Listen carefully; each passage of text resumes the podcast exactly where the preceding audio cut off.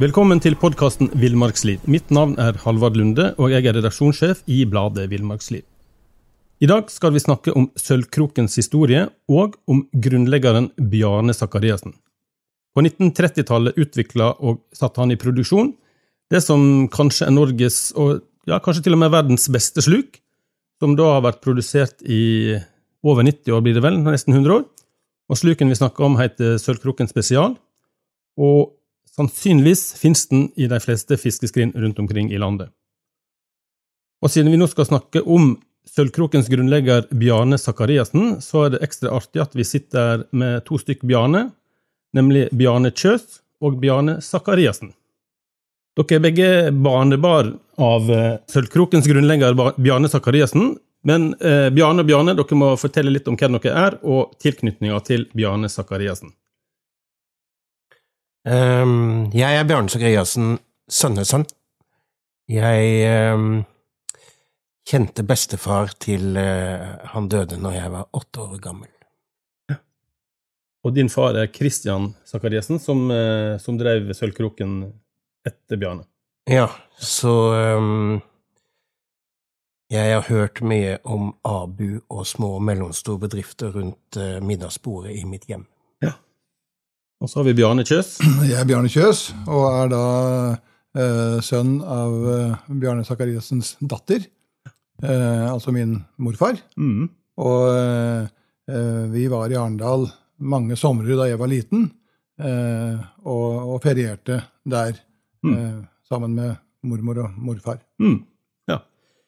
Altså sånn som eh, kanskje historien blir fortalt, eller som jeg har fått den fortalt, i hvert fall så starta historien eller eventyret Sølvkroken i badekaret hjemme hos eh, bestefaren deres, altså Bjarne Sakariassen, med et utvalg sluker. Men, eh, men eh, Fortell litt om denne oppstarten av Sølvkroken. Hvordan, hvordan kom det i gang? Vi kan jo starte helt på begynnelsen. Eh, Olav Bjarne Sakariassen han brukte bare Bjarne som fornavn, ja. men hadde et dobbeltnavn. Eh, den starta i Skien, og han ble hjemmedøpt. Eh, og det var vel fordi at han var såpass eh, svak og sykelig ja. Eh, på våren, og ble kirkedøpt på høsten. Ja. Altså overlevde han. Eh, og det var jo da starten, som alle andre starter. og eh, historien om hvordan Sølvkroken egentlig startet, var jo at hans bror eh, startet en, en elektrolysefabrikk i 1930. I de harde 30-åra. Ja. Eh, og den gikk vel egentlig ganske greit, fordi at det var et stort behov for, for, eh, for eh, fiskeutstyr til mm. hvalfangst. Mm. Um, og det var da i Skien. Mm. Det drev rett og slett med forskjelvning?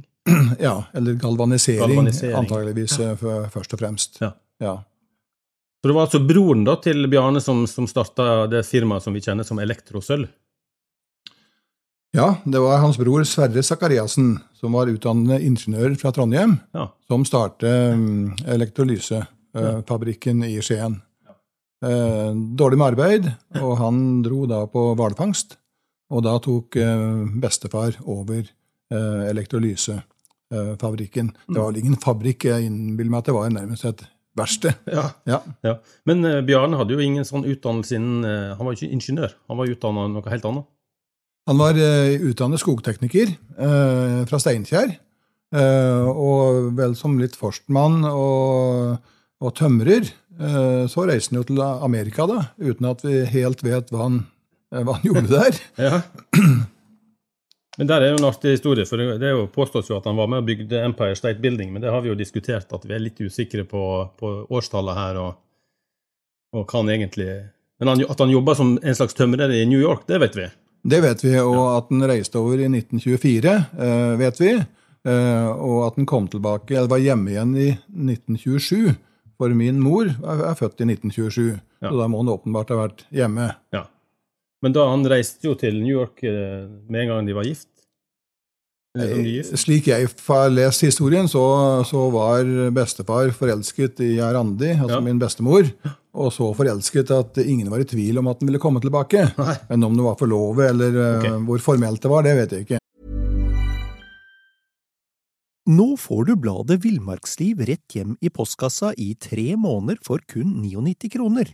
I Villmarksliv kan du lese om norsk natur, ærlige tester av klær og utstyr, og mange gode turtips skrevet av erfarne friluftsfolk, fiskere og jegere. Send SMS VILL36 til 2205 og motta bladet allerede neste uke. Lev livet villere med bladet Villmarksliv. Even on a budget, quality is non-negotiable. That's why Quince is the place to score high-end essentials at 50 to 80% less than similar brands. Get your hands on buttery soft cashmere sweaters from just 60 bucks, Italian leather jackets, and so much more. And the best part about Quince, they exclusively partner with factories committed to safe, ethical, and responsible manufacturing. Elevate your style without the elevated price tag with Quince. Go to quince.com slash upgrade for free shipping and 365-day returns. Men han kom tilbake, og, og eh, så starta han jo en, en annen bedrift enn en Sølvkroken, for å si det sånn. Ja, så kjøpte han et sagbruk. eh, og i disse trange tidene da, så gikk ikke det noe særlig bra. Eh, det ble iallfall avsluttet som en dårlig forretning, men eh, det er ikke noe som tyder på at det gikk konkurs. Nei.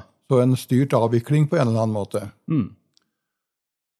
Og da var det jo ganske eh, greit å kunne fortsette med den elekt elektrolysearbeidet som broren hadde starta. Så jobba han sannsynligvis hos broren da, da han, eh, han reiste ut, kanskje. De bodde iallfall begge i Skien. Ja. Mm.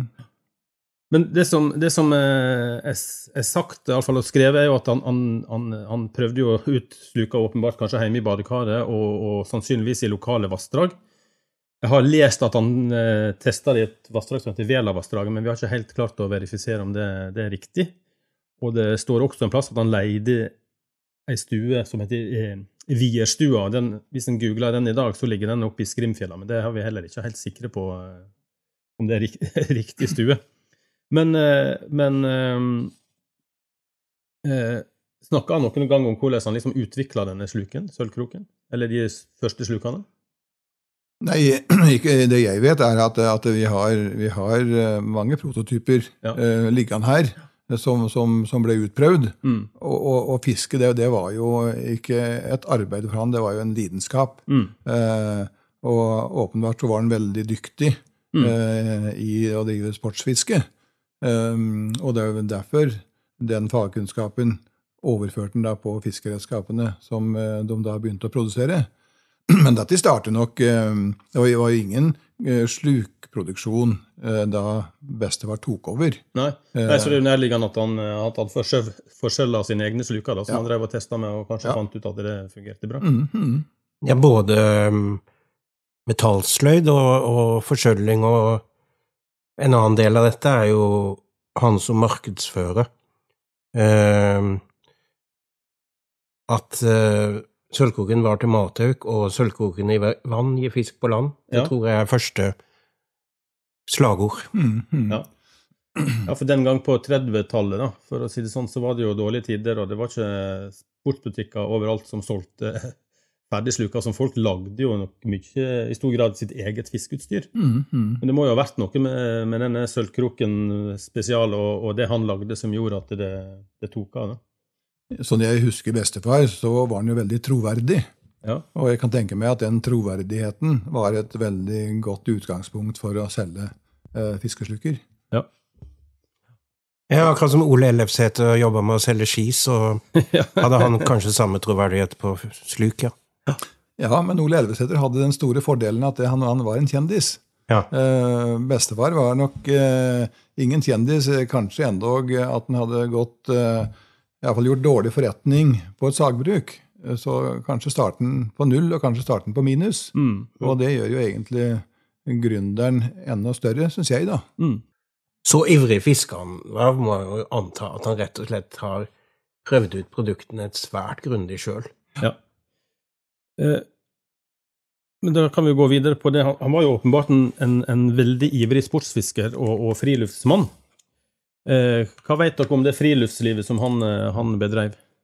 Det, det jeg vet, er jo at når, når bestefar og bestemor var og besøkte mor og far, så var jo vi unga. Vi satt jo eh, av og til sammen med dem i stua, men ikke sjelden satt vi på kjøkkenet og hørte på eh, hva de pr pr pratet om. Ja. Og da gikk det jo i fiske. Far var også ivrig fisker, eh, men på et helt annet eh, nivå. Så de matcher hverandre litt på, på akkurat det.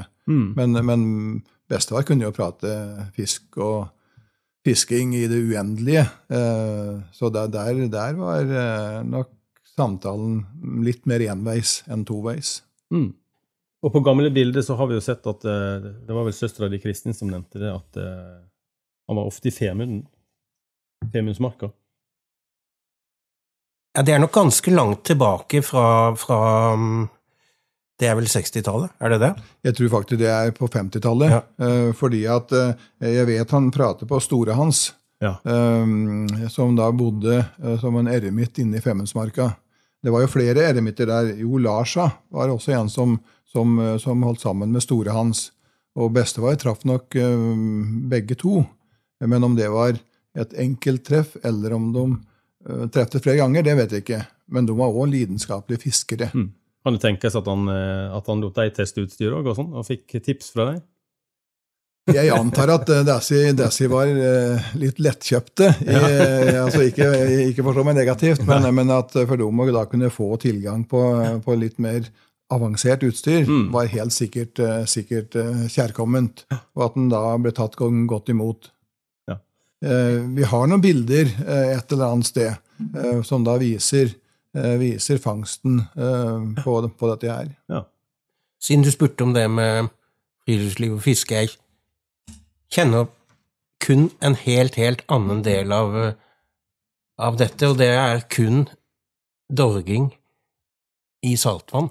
Mm. Eh, Jeg vokste ikke opp med en bestefar som var i skogen eller fisket med stang i ferskvann. Det eneste han drev med, var eh, dorging, først og fremst etter makrell, hvor han fylte opp eh, de fleste frysere i nabolaget med dagens fangst. Mm. Um, Du nevnte nok òg at han var veldig opptatt av eh, var det ekorn og linerla? Prat vi hadde tidligere. Ja, jeg tenkte på fordi at eh, jeg kommer fra en idretts- og, og friluftsfamilie, men, men ikke sånn eh, dyr- og jakt- og fiskefamilie, og derfor gjorde det inntrykk på meg når bestefar matet eh, linerla og ekornet eh, fra hånda Ja. Oh, yes. på hytta. Såpass, ja. Så, for det var noe eh, mine foreldre ikke, ikke drev med. Eh, så det, det gjorde inntrykk. Han var vel, han, han må jo ha vært storviltjeger. Eh, og hvor mye han drev med, det vet jeg ikke, men jeg har faktisk arvet jaktrifla hans. Det er en, eh, en krag. Eh, ombygd krag. Ja. Eh, et fint, lite våpen. ja, for vi veit vet ikke så, hvor mye han eh, på en måte var jeger, egentlig. Men han eh, Jeg innbiller meg at den Siljan var, var et utgangspunkt for, Ja. for, for, for storviltjakt. mm. Men eh, jeg vet ikke hvor langt opp du skal før du har, treffer rein. Men, eh, men jeg òg innbiller meg at det var reinsdyr som var, som var målet med jakta. Mm. Jeg vokste opp med en bestefar som hadde tre det jeg kalte gevær, kanskje rifle, i, skap, i hjørneskapet i stua.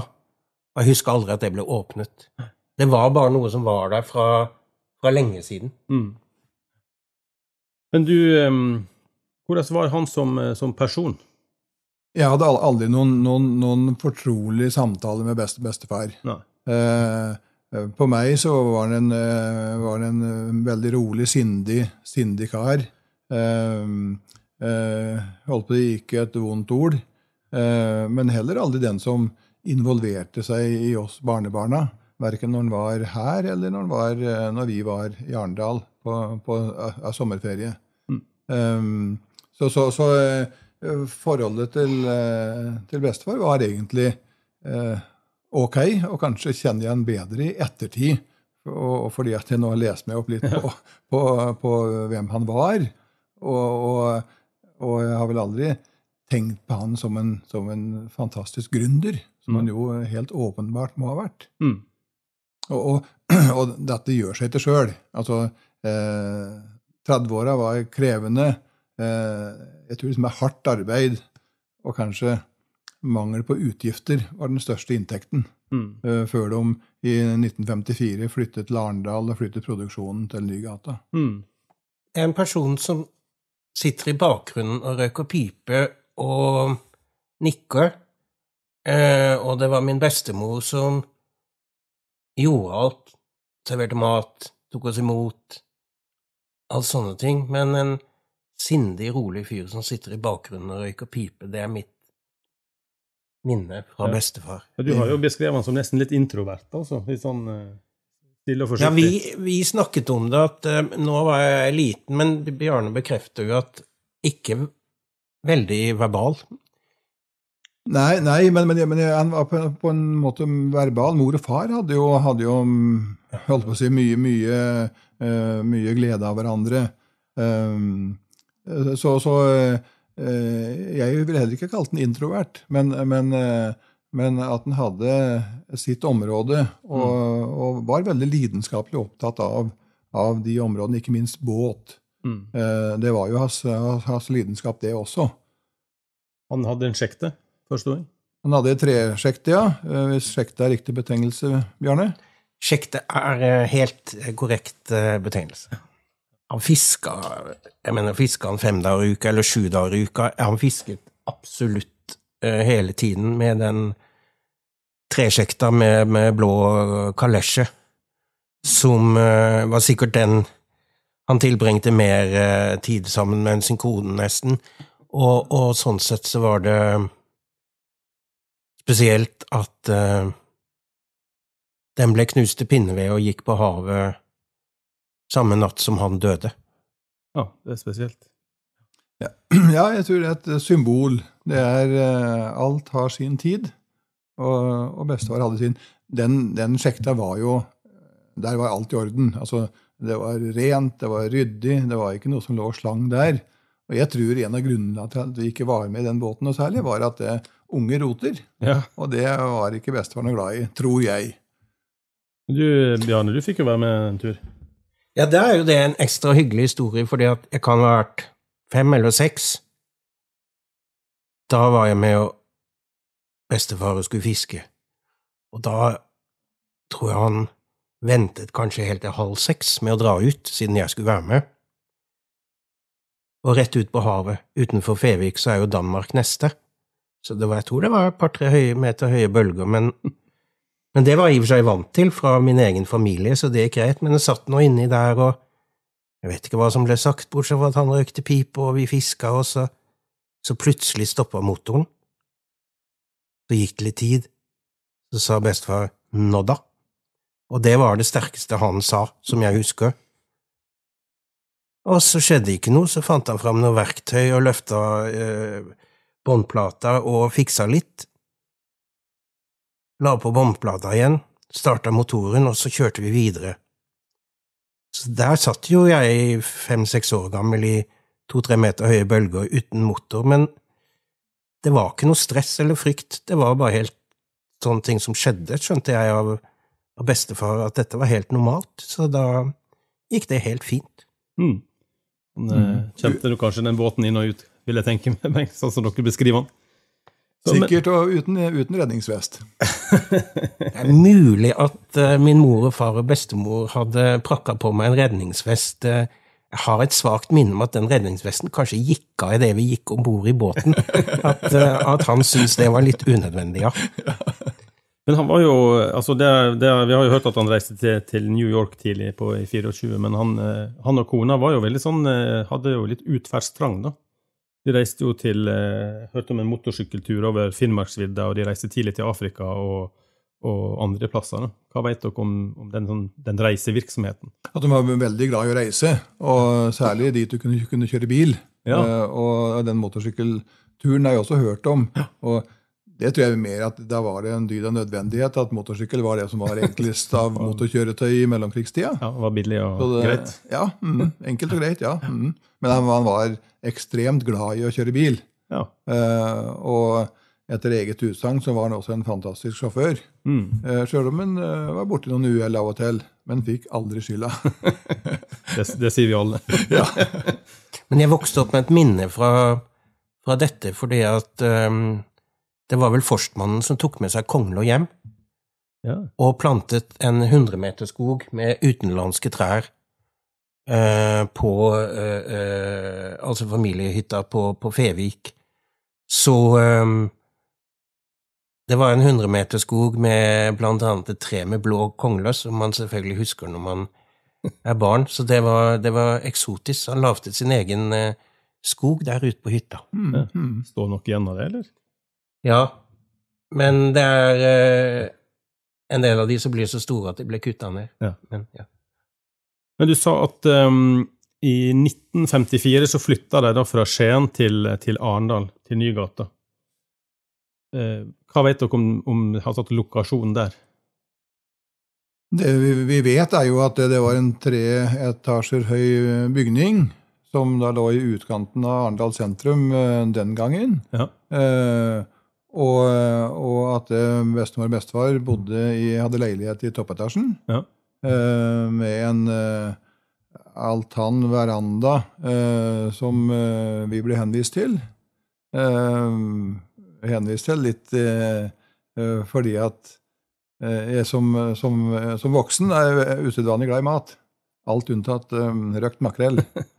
Og det er jo fordi at når mor og far og vi tre søskna kjørte til Arendal, ni timer i baksetet på en Volvo PV med røykende foreldre, eh, og da komme fram til fersk røkt makrell, det, det var ikke vellykket for mor og far. Med noe godt i glasset i tillegg, så var det nok en, en fin Og bestefar koste seg jo med denne røkte makrellen. Det var jo for han antageligvis noe av det beste måltid som han kunne ha. Jeg har ikke disse vanskelige barndomsminnene, så jeg har faktisk overtatt eh, eh, bestefars rolle, men flyttet den til Indre Oslofjord, så jeg driver med røyking av eh, makrell og gir til eh, naboer i eh, Indre Oslofjord. Mm. Men hvis de bare ikke har reist ni, bil, ni mil og sittet i baksetet på en Volvo PV med røkende foreldre, så er jeg helt sikker på at jeg også hadde, hadde storkost meg med røkt makrell. Og selvfølgelig uten sikkerhetsbelter. Så. Selvfølgelig. Jeg har kjørt eh, bil motsatt vei hit som lite barn, og det var sju og en halv time, og da var man bilsyk når man kom fram. Men altså fra, fra Og da var, var produksjonen i første og andre etasje. Ja. Men eh, lokalet i, i Nygata i Arendal, det ble kanskje for lite, og sikkert litt upraktisk med logistikken etter hvert, når, eh, ettersom Arendal vokste som by. Så flytta de fra sentrum også til det industriområdet i Arendal som heter Stoa. Men da var jo sannsynligvis din far, Bjarne Kristian, allerede sjef for Skjellkroken. Da hadde lederskiftet skjedd, for han, han overtok jo ganske ung. Eh, Han overtok eh, svært ung, og eh, det er også en dreining både i bedriften og i og for seg ledelse, der bestefar kanskje var mest produktutvikler, så var faren min en moderne bedriftsleder og økonom, som utvikla bedriften ganske betydelig til å bli en stor produksjonsbedrift i, i, i Arendal-sammenheng eh, på 70- og 80-tallet. Mm. Da ble det jo også en handelsbedrift, ikke bare en produksjonsbedrift, hvis jeg har forstått det riktig. Jeg vet i hvert fall når det gikk motsatt vei, når, når, eh, hvis vi skal et hakk videre, når, når Trone Holst overtok, så ble håndmaling av spesial eh, raskt slutt på i, i, i Norge og flyttet til Kina, så vidt jeg vet. Ja, for, eh, for eh, etter flyttinga til Stoa så drev jo din far eh, Sølvkroken fram til 1993. Første, første 93, og da ble bedriften solgt til, eh, til Trone Holst. Mm. Og så etterpå det så ble det vel også solgt videre, sånn at nå er- heter jo selskapet eller, Nå er jo Sølvkroken en del av Nordic Outdoor, heter vel selskapet i dag, og holder til i Arendal fortsatt. Men Kristian Christian han var jo, en, eh, som du var inne på, en litt annen type enn enn, eh, din bestefar Bjarne. Han var jo en veldig atletisk og, og opptatt av idrett. Og god, Ja. fot, og god fotballspiller. Og fotballtrener. Ehm, ja, det som jeg vokste opp som interessefelt, var um, fotball, turorientering, eh, idrettsdugnad og, og bedriftsledelse. Og når jeg blir litt eldre, voldsomt eh, fokus på um, rammebetingelser for små og mellomstore bedrifter. Mm. Ja, For han var aktiv i NHO, var det? Han var aktiv, han var uh, småbedriftens mann i NHO i mange år, og kjente de um, store gutta, om, både om det var på trenersida med Kjell Skau Andreassen og Nils Arne Eggen, eller om det var eh, på bedriftssida med større industrieiere i, i, i Norge. Hva vet vi om liksom Sølvkroken eh, som arbeidsplass, altså både, både under Bjarne og under Kristian? Det var i hvert fall en hjørne, altså en sånn hjørnesteinsbedrift der de ansatte og sjefen, er eieren, altså ø, ø, ø, foreldrene mine, eh, hadde en nær tilknytning. Faren min ansatte ca. halvparten av fotballaget, Ja. eh, og det, det gjorde jo at de hadde en eh, De følte et ansvar overfor hverandre, tror jeg. Eh, eh, eh, far for å gi de ansatte gode betingelser, og de ansatte for å jobbe overtid og mot ekstra sommerferie og betaling når de, når de hadde fått inn en stor ordre eh, og måtte produsere eh, eh, eh, på vårparten. Mm. Altså det var litt sånn forhandling eh, om, om, om jobbing når de jobba når de hadde, hadde oppdrag, med andre ord. Altså. Tok de heller ut litt ekstra ferie? Ja, det var en av de tingene jeg lærte opp rundt middagsbordet, at Abu de kan produsere for lager, de er svære. Mm. Men en liten bedrift som Sølvkroken har ikke råd til det, så da må man rett og slett eh, be de ansatte om å, å, å ta en tørn ekstra. Og det tror jeg både ledelsen og de ansatte syns funka riktig bra. Jeg synes Selv om, om Christian og Bjarne var to veldig forskjellige personligheter, så tror jeg de hadde et forhold og en respekt eh, for de som jobber i fabrikken, som var ganske unik, og som gjorde at begge hadde, hadde, hadde suksess. Uten et godt forhold til dem, med bl.a. Å, å være fleksible for å kunne fullføre en ordre, eh, så hadde dette her vært eh, kjempevanskelig. Så de må ha vært eh, bedriftsledere på hver sin måte, mm. begge to, og dyktige bedriftsledere. Far var lyseblå politisk, men sånn i ettertid Det er jo en slags norske sosialdemokratiet vi snakker om. Eh, eh, også, syns jeg, at du Ok, bedriftseier, men med en del sosialdemokratiske verdier. Det er sånn det. Hvordan var forholdet mellom eh, Bjarne og Kristian? Vet Jeg tror det bruddet skjedde relativt dramatisk. Men det vet jeg ikke noe særlig om. Jeg tror uh, min far uh, fant ut at uh, nå er det på tide at jeg overtar. Jaha. For han var ganske ung, da. Nei, nei jeg vet ikke. Det, det var vel en, en glidende overgang. Eh, eh, vi vet nok noe, noe om det, eh, men, eh, men jeg klarer ikke å verifisere det. Nei. Det var, vi kan kalle det en uenighet, da, kanskje, om, om veien videre, kanskje. Nei, jeg tror rett og slett at, eh, at um, bestefar ble noe mindre interessert i, å, å, å, i bedriftsledelse og mer interessert i, i fisking. Ja. Men, samtidig med at uh, eh, far fikk erfaring med å lede og, og utdannelse, så da skjedde det på et eller annet tidspunkt et, et naturlig generasjonsskifte Mm. hvor, hvor sønnen sier at nå, nå er det passelig at jeg overtar, Mm. eller Det er like, like gjerne at, eh, at eh, bestefar sier at eh, nå er, nå er min tid over. Ja. Nå kan nye krefter til, og det er det som gir alle bedrifter et løft. Det er når nye generasjoner eh, trår til. Så selv om det er forskjellig oppfatning av veien framover, så behøver det ikke være noen dramatikk i det. Nei, for de kan jo ha hatt respekt for hverandre, jeg tror rett og slett at, men jeg tror ikke de jobbet lenge sammen. Jeg tror det var et rent skifte som skjedde, og fra en generasjon til en igjen. Mm. Men jobba, jobba Bjarne i bedrifta etter at eh, din far tok over? Det tror jeg ikke. Jeg tror ikke. Nei. Det var slutt. Ja, Ja. Men, men eh, Christian, eh, din, eh, din far, som overtok etter Bjarne, det, det sies jo at han overtok bedriften ganske ung. Men, men er det, medfører det riktighet? Det er jo nevnt at han overtok da han var 19 år. Han hadde i hvert fall erfaring med å, å drive deler av året, så vidt jeg vet, når kanskje bestefar var ute og, eh, på fisketur. Og så, etter far hadde fått utdannelse økonomi, blant annet London, så kom det et naturlig skifte eh, mellom to generasjoner, hvor, hvor, eh, hvor, de ikke jobbet sammen, men hvor far rett og slett overtok. Mm. Så det var ingen sånn glidende overgang, og, og Bjarne slutta da å jobbe, da? Ja. Men vi veit liksom ikke på en måte årstallet for når, når det skiftet skjedde? Nei, men, men, jeg tror altså i en sånn bedrift så er det én sjef. Ja. Og den ene går av, og den andre går på. Mm. Og, og, det er ikke noe unaturlig skifte, det, for, for, denne type bedrifter. Den som går på, har god kunnskap og kjennskap til bedriften slik den har vært, mm. og har tanker om hvordan eh, neste generasjon vil, vil, drive bedriften framover. Mm. Men i 1974, da bedriften flytta til eh, Stoa, så hadde jo din far alt overtatt?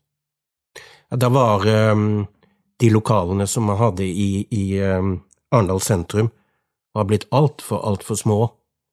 Og uh, det gikk sannsynligvis bra, fordi at etter man flyttet Stoa, så uh, så opplevde uh, Sørkrogen kraftig vekst i antall ansatte, og det må jo ha vært omsetning. òg. så vidt jeg husker, så var det en rundt 20 ansatte i Nygata, og det vokste opp til ca. 70 på det meste på Stoa. Mm. En stor bedrift.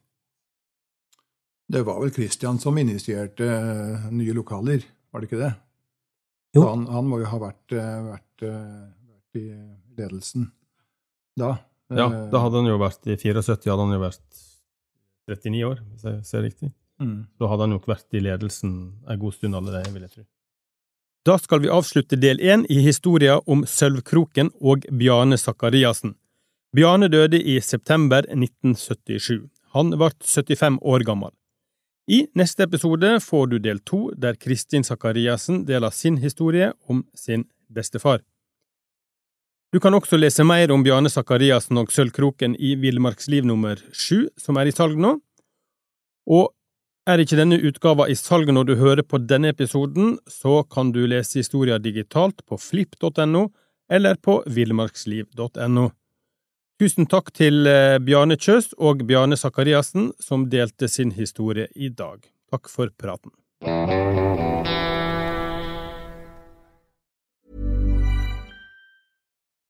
Nå får du bladet Villmarksliv rett hjem i postkassa i tre måneder for kun 99 kroner. I Villmarksliv kan du lese om norsk natur, ærlige tester av klær og utstyr, og mange gode turtips skrevet av erfarne friluftsfolk fiskere og jegere. Send SMS VILL36 til 2205 og motta bladet allerede neste uke. Lev livet villere med bladet Villmarksliv. What was that? Boring. No flavor. That was as bad as those leftovers you ate all week. Kiki Palmer here, and it's time to say hello to something fresh and guilt-free. Hello Fresh. Jazz up dinner with pecan-crusted chicken or garlic butter shrimp scampi. Now that's music to my mouth. Hello Fresh. Let's get this dinner party started. Discover all the delicious possibilities at hellofresh.com. Even when we're on a budget, we still deserve nice things. Quince is a place to scoop up stunning high-end goods for 50 to 80% less than similar brands. They have buttery soft cashmere sweaters starting at $50, luxurious Italian leather bags, and so much more. Plus, Quince only works with factories that use safe, ethical, and responsible manufacturing. Get the high-end goods you'll love without the high price tag with Quince. Go to quince.com/style for free shipping and 365-day returns.